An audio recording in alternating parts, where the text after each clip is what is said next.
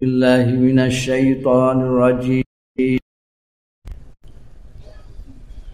وإذ قال موسى لقومه يا قوم إنكم ظلمتم أنفسكم.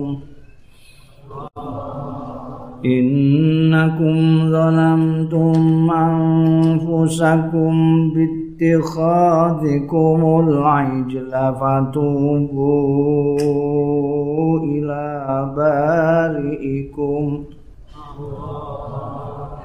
فتوبوا إلى بارئكم فاقتلوا أنفسكم. ذلكم خير لكم عند بارئكم. فتاب عليكم. إنه هو التواب الرحيم.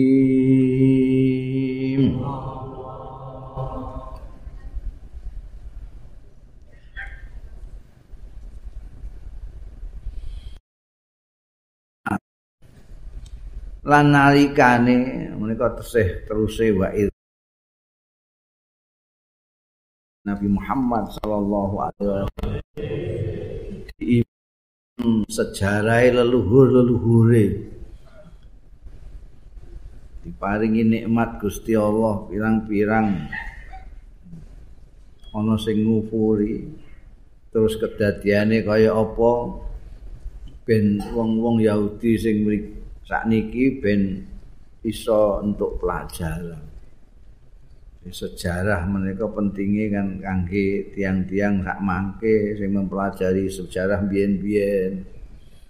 Mereka sejarah mereka mengulangi dirinya sendiri. At-tarikh yu'idu nafsahu. Sejarah itu mengulangi dirinya sendiri.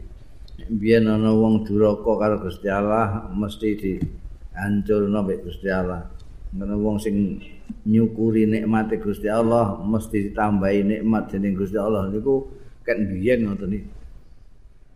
Ono sing wani karo utusane Gusti Allah niku ket biyen mulai zaman Nabi Nuh nganti zamane Kanjeng Nabi Isa terus niki kangge pelajaran kanggo umat Nabi Muhammad sallallahu alaihi wasallam. Wa idh qala Musa diandarno kalih Kanjeng Nabi nalikane Nabi Musa dawuh li kaumihi marang kaume Nabi Musa. Ya kaumi he kaum ingsun innakum sak temene sira kabeh ku zalamtum ampusakum dolimi ngani ngoyo sira kabeh ampusakum ing awak-awak dhewe ira kabeh. Bittikhazikumul ijla kelam kelawan sebab anggonira ngalap al ijla ing pedet pedet emas. Didadekno sesembahan. Patubu mongko tobat sira kabeh ila bariikum maring pencipta Khalik niku nggih pencipta, Barik niku pencipta. Musawwir nggih pencipta. Barik menika bahasa Arab niku senajan wong Jawa maknane ne padha tapi teng mrikane jane beda-beda. Jadi nek khalik niku nitahake secara umum, tapi nek bariikum niku nyitahake kanthi bentuk yang sempurna, yang harmonis. Baik psikis maupun fisik. Pikirane maupun awake niki manusa dititahno Gusti Allah sangat sempurna. Maka Allah disebut bari. Dilingno tobat pe. Zalikum utahe mengkono-mengkono mau tobat dengan cara seperti itu iku khairun luwih bagus lakum kanggo sira kabeh inda bari hukum ana sandinge pangeran sing nitahake sira kabeh. fataba alaikum. Mongko paring tobat sapa bari iku malaikum ing atase sira kabeh. Innahu sak temene bari ikum. Wa ya bari ikum iku at-tawwab. Iku zat kang akeh pengapurane akeh paring tobate. Ar-rahimu tur akeh welas asih iki wong-wong Yahudi zamane Kanjeng Nabi Muhammad sallallahu alaihi wasallam termasuk sing sakniki niki dielingno zaman leluhur-leluhur mbiyen. Didhawuhi ngani ngoyo awakmu dhewe kadang-kadang alam tu dimaknani dosa dimaknani maksiat mergo tiyang sing nglampahi dosa niku ngani ngoyo awake dhewe. Awak wis apik-apik dimulyakno Gusti Allah terus diasarno Yuk zaman biyen simbah kita nabi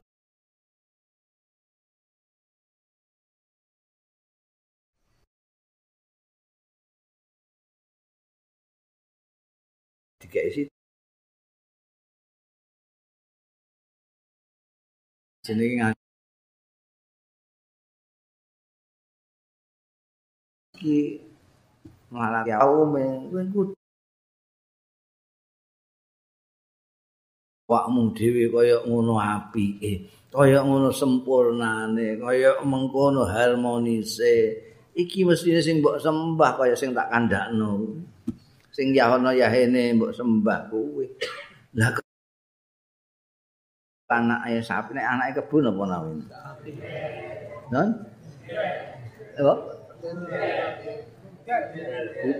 Gudel gudel iso pedet.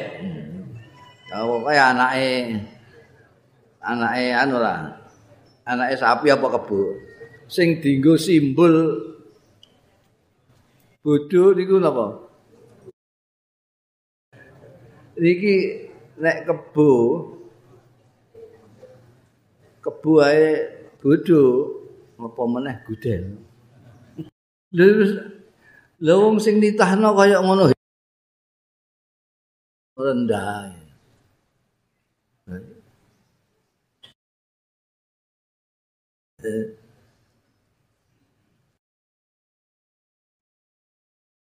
Musa sam pedet. Jadi sing disembah pedet. simbole medet.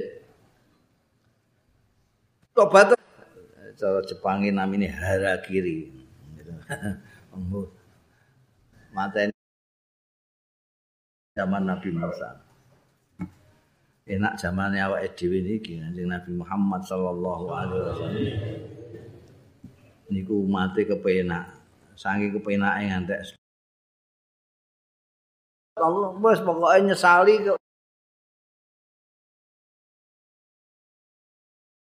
umat kanjeng Nabi Muhammad. Umatnya Musa, ayo pateni ya. Berarti tiang-tiang sing nyembah pedet dipateni karo liyane pedet. Kan ora tega kadang-kadang ana kancane dhewe sing. Terus Gusti Allah nurunake mendung sing mepet niku. Dadi gak niki apike Gusti Allah. Wong ora melok apa-apa kok mbok sembah.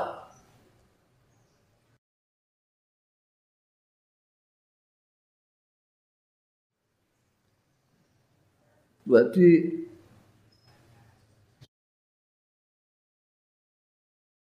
gede niku sirik, nyekutokno Gusti.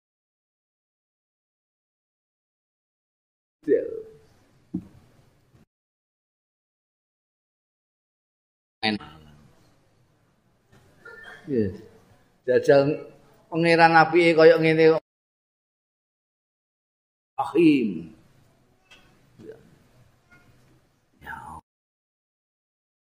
tenan bareng.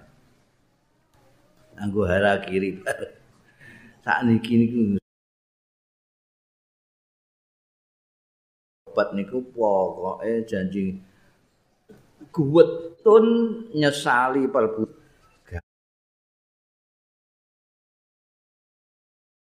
dhewe gawe kelakuan sing ora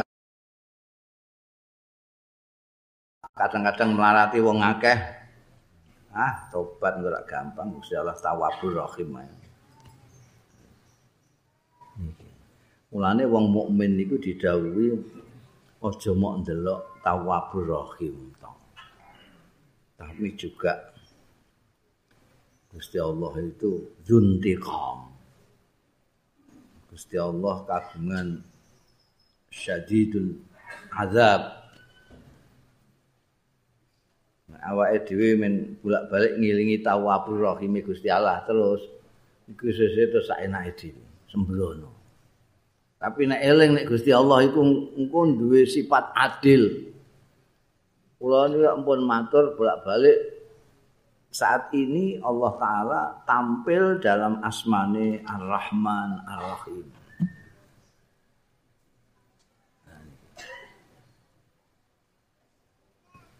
Ben kawula-kawulane iki ben do niru ngoten e duwe rasa rahman lan rahim welas asih wae diwarai apa-apa kon maca bismillahirrahmanirrahim.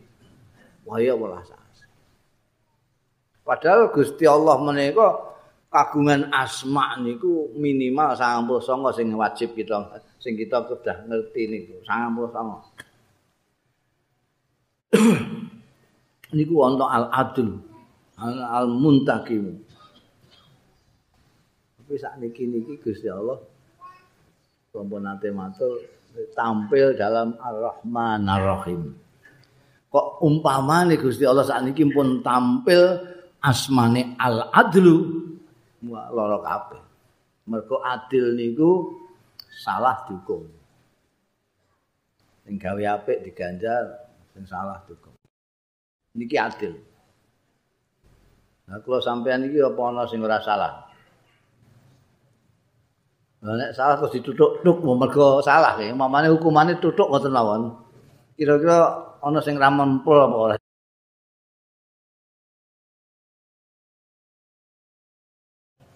Kowe gawe fitnah, tuk tuk. Kowe misai wong tuwa, kowe ngrasani tuk. Banyak kabeh sampe pokoknya.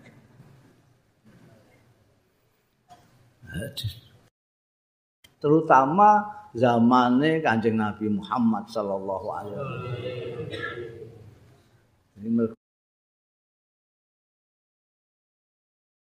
Ben kon. Ngantek mata Ya Allah memberi waktu eh mbok menawa.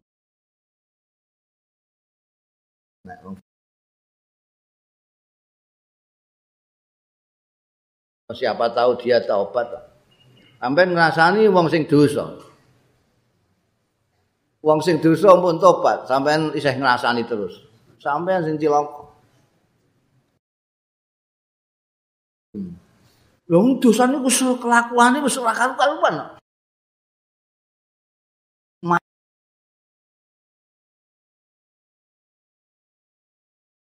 kula pun mateni tiyang Tidak, sangat puluh songo, ora iso. Ya ini paten sisan. Sangat puluh songo, gak ditompo satu sisisan.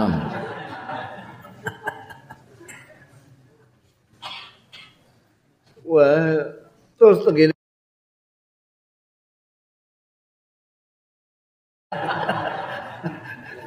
Sing ora iki anggere fatwa ngono wae.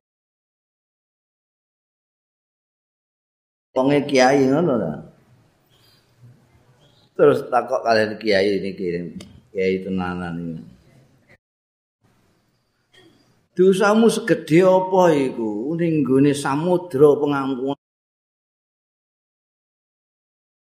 Nafsatu ya nafsu la taqnati min zallatin azumat innal kabaira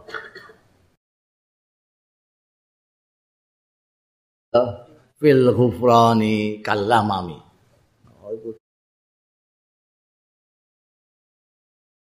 Ini gini lautan pengam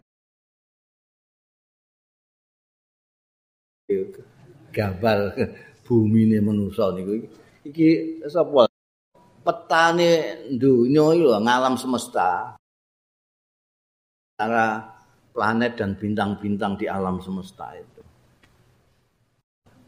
Ora kok muni Allah akbar sing gedhekno awake dhewe Nek sing liyane sing wis biasa ning YouTube ya gak iso kan buka sing ora bumi utawa al art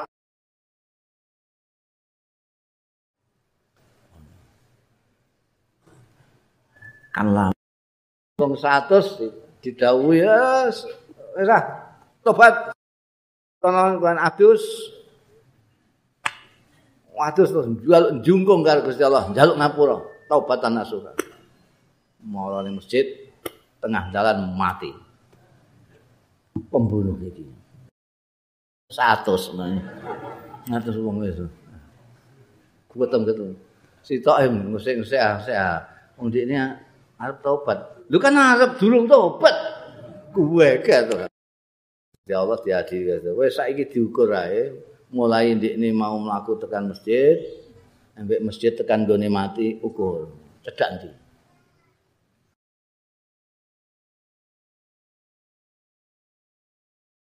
Cedak karo masjid. Tiga puluh karo Gusti Allah. Oh ngono. Berarti wis meh tobat iki wong kacak sini lho. Lho Gusti Allah Tawwabur Rahim niku ngoten niku. Nah mulane awake dhewe mboten kenging rumangsa nek awake ning swarga dhewe. Padahal wonten hadis sing mengerikan niku. Yang niku apa ning gone swarga dadak nglakoni ngam Ana wong sing ngamali neraka terus kurang sak depo ke neraka nglakoni amale wong swarga mlebu ning swarga. Sok monis wong.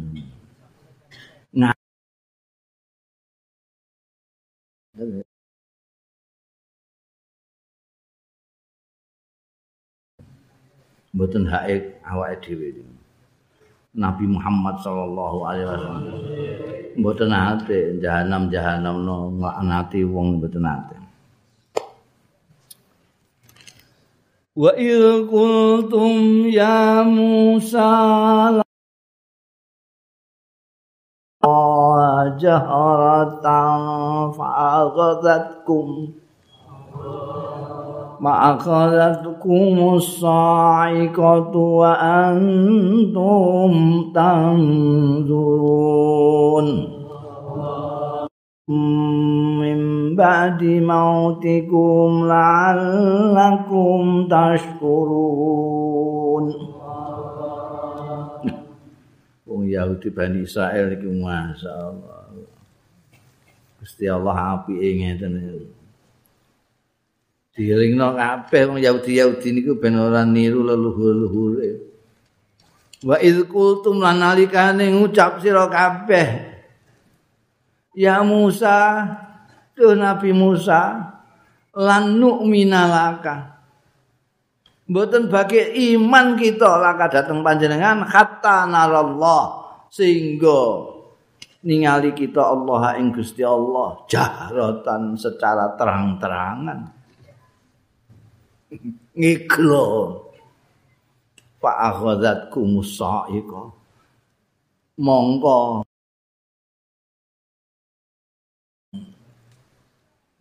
Yahudi niku kaum Nabi Musa.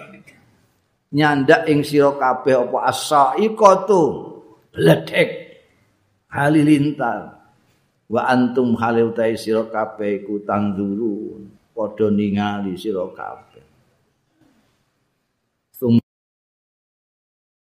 Sira kabeh mimba di mautikum saking sakwise mati ro kabeh. La'allakum mbok menawa sira kabeh taskuruna padha syukur sira kabeh. Wajen kaum Nabi Musa ini ndelok joke sebutin karuan. cerita tentang Nabi ini paling kata ceritanya Nabi Musa kali kaum ini. Sampai tinggal di Quran. Nabi Nuh, Sidik Nabi Yusuf, Sidik Nabi Ibrahim, tapi Nabi Musa tengene surat-surat patah. Kelakuane Bani saya ini macam kandhani apik sedelo ngono nae. ngono nae. Aniku dijuluki kalimullah mergo didhawuhi ah mboten ngandel kula. Nek Gusti Allah dhewe ngeglo ngoten nggih kula lagi percaya. Ringan malah niku cilike donya. Kula gedhekno sak kacang ijo. Ten kacang ijo niku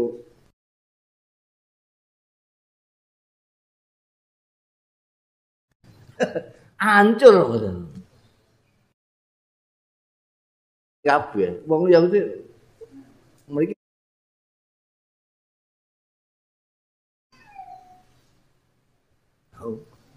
manggon iku Bu, kula gedheake ben sampean roh ketok.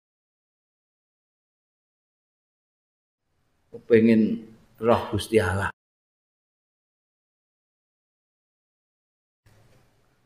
terus demo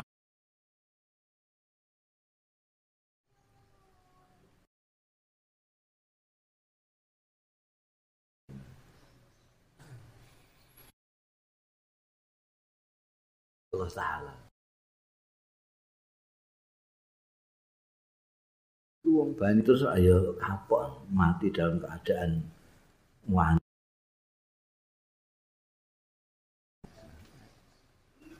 ben menyesali menyadari kekeliruannya. Iki mesti kudu disyukuri. Mulai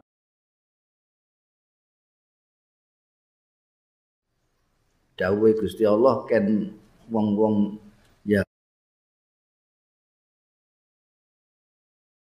nikmatallahi alaikum. Il il il il, il termasuk il niki. Il kultum ya Musa sak teruse niki.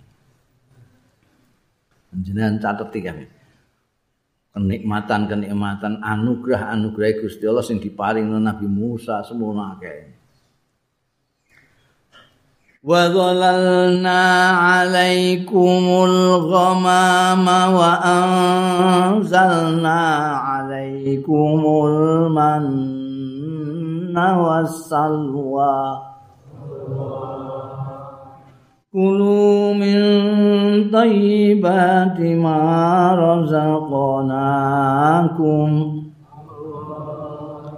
wa ma zalamuna walakin kanu anfusakum yadlimun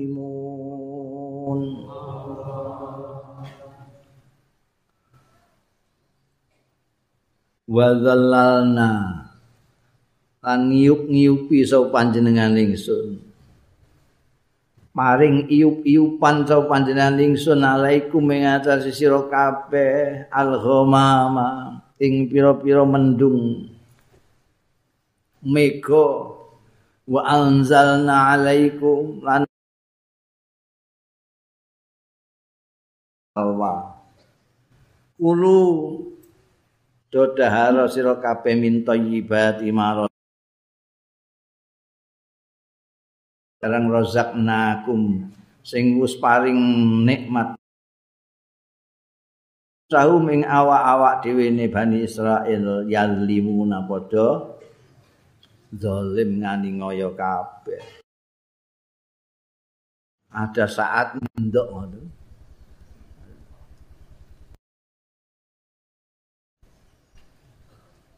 Salwa niku umat kanjeng Nabi Muhammad sing senengane nimbun nggih wonten.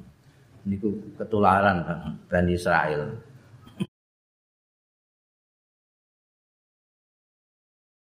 Ini tidak percaya nek sesuk iku isih digresekeni Gusti Allah nek mboten percaya. Terus sampean percaya kayak manuk niku ora tahu mikir sesuk aku manuk apa ya. Itu mangan terus manuk niku. Awake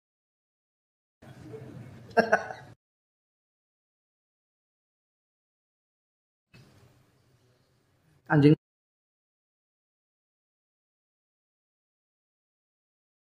Tak pelung niku saiki ya ngantek pitung turunan. Nyimpen beras pitung turunan.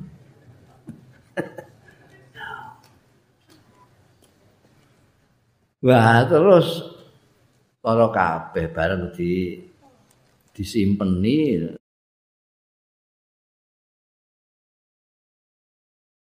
Ini jadi masalah. Mana nih jadi berubah berubah salwane jadi mati. Mati wah jadi masalah. Lu nek gusti allah lalu giblas Wama dolamuna walakin ampusahum yaglimu. Sing rugi mereka sendiri. Jadi wong kaulane Gusti Allah niku ndak boleh berpikir nek iki tak kenekno mesti Gusti Allah mesti. Lara kabeh. La ilaha illallah. ana wong sakniki iki ndekne sembayang terus bangga oh, Gusti Allah seneng banget iki aku salat iki Allah Kemana ini piye? Gusti Allah layadur wala yang fa'na. Ora blas ora ana sing kanggo kepentingane Gusti Allah. Sampai di, gak oleh ngombe arak. Sampai tetap ngombe silahkan aja. Ora terzolimi ya Allah. kau laku kok ngebiara iki aku piye mbah blas ora buambung kabeh niku Gusti Allah tetep moho kuwasa tetep. Mahanes wah wis iso anu terus iki mesti Gusti Allah seneng banget iki. La ilaha ngono ae Blas. Bama zolamuna menganiaya Gusti blas Warep apa ae kowe pencilaan kaya apa ta apa Gusti Allah blas ora dirugi kalian rugi sendiri Ini pelajaran saking kaum Nabi Musa. Nabi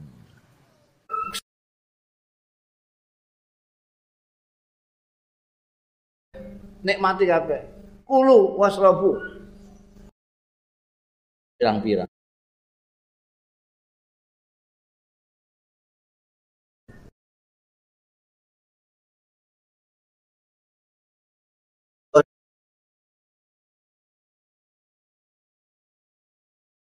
Oleh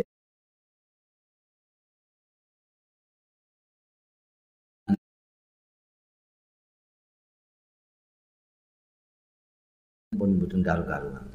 Karuan. Hmm.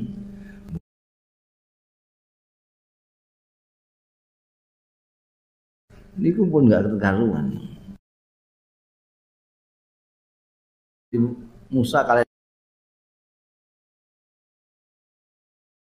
كلوا هذه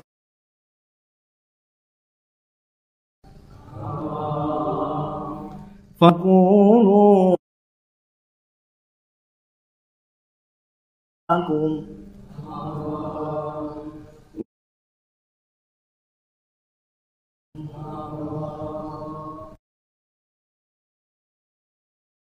الذي قيل لهم aibi maka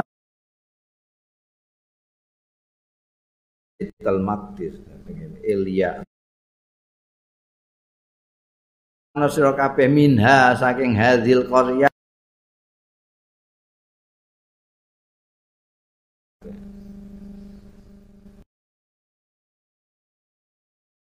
Luasa wat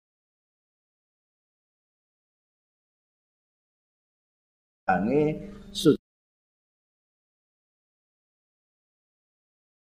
muni mlebu DPDP karo muni khitab. Dosane manane iki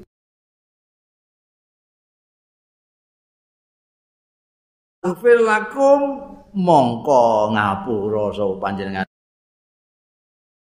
Ufil lakum kota ing dosa-dosa ira kabeh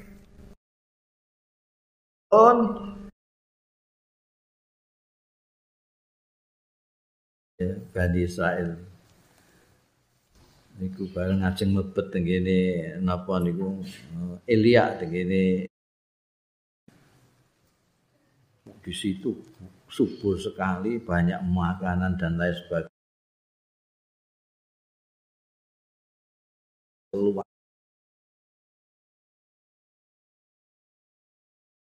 Aja kemedi aja sing diluk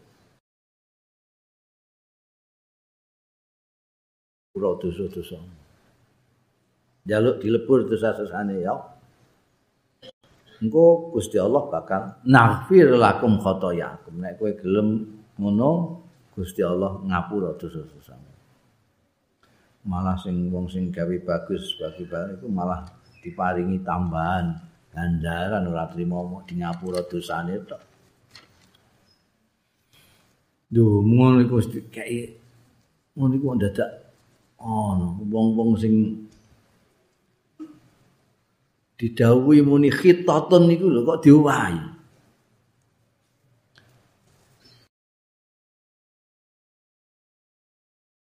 iki wong sing nganiaya awake dhewe iki.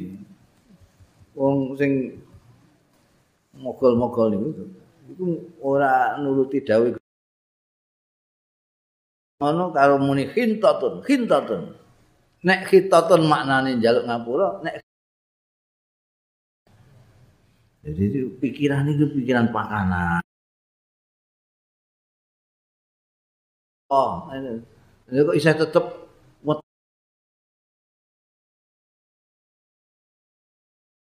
nek kita niku njaluk ngapura kita njaluk gandum. Sampai njaluk napa Ya Allah. Niki pikiran nek tengene makanan niku kan boten Bani Israel tok. Awake dhewe kadang-kadang nggih ngoten pikirane niku wayahe. Wayahe Gusti Allah tundum ganjaran kene sih. Oyo-oyoan pakanan ae. Ghaira ladzi qila lahum juga kita kok kita. Fa anzalna ala ladzina zalamu terus hukum mari Gusti Allah taala.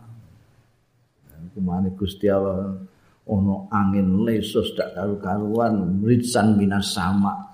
Hukumane Gusti Allah niku saged saka dhuwur, saka ngisal, saka Niku dawuhe Gusti Allah nek ngukum tiang niku ana sing kon dhuwur hukumane siksane niku ana sing saka ngisor ana sing diadu. Zaman biyen ana kabeh sakniki nggih mulai wabrakan nggih wonten pun niku. Niki pun mulai. Pak Kumbak Sabadin niku pun juga wabraan padha dulure. Azab. Ya Allah. Alih kaum Nabi Musa ini. Belajar sing apik-apik. Sing endi? Sing elek-elek ditinggal. Nabi Nuh, Nabi Ibrahim, sedaya saking Gusti Allah taala, sedaya utusane Gusti Allah taala kanggo kepentingan kita kabeh. Kemane bener Gusti Allah. Iku kan padha. Iku ngwang-ngwangi dhewe sing dawuh Gusti Allah ngene dienggokno ngene sing ngene dienggokno. Akhirnya terus ora rukun manusa ning dunya niki. Padahal asline saka pangeran sing siji yaitu Gusti Allah taala. Niku niku sing disebut wong-wong fasik wong-wong sing gak gelem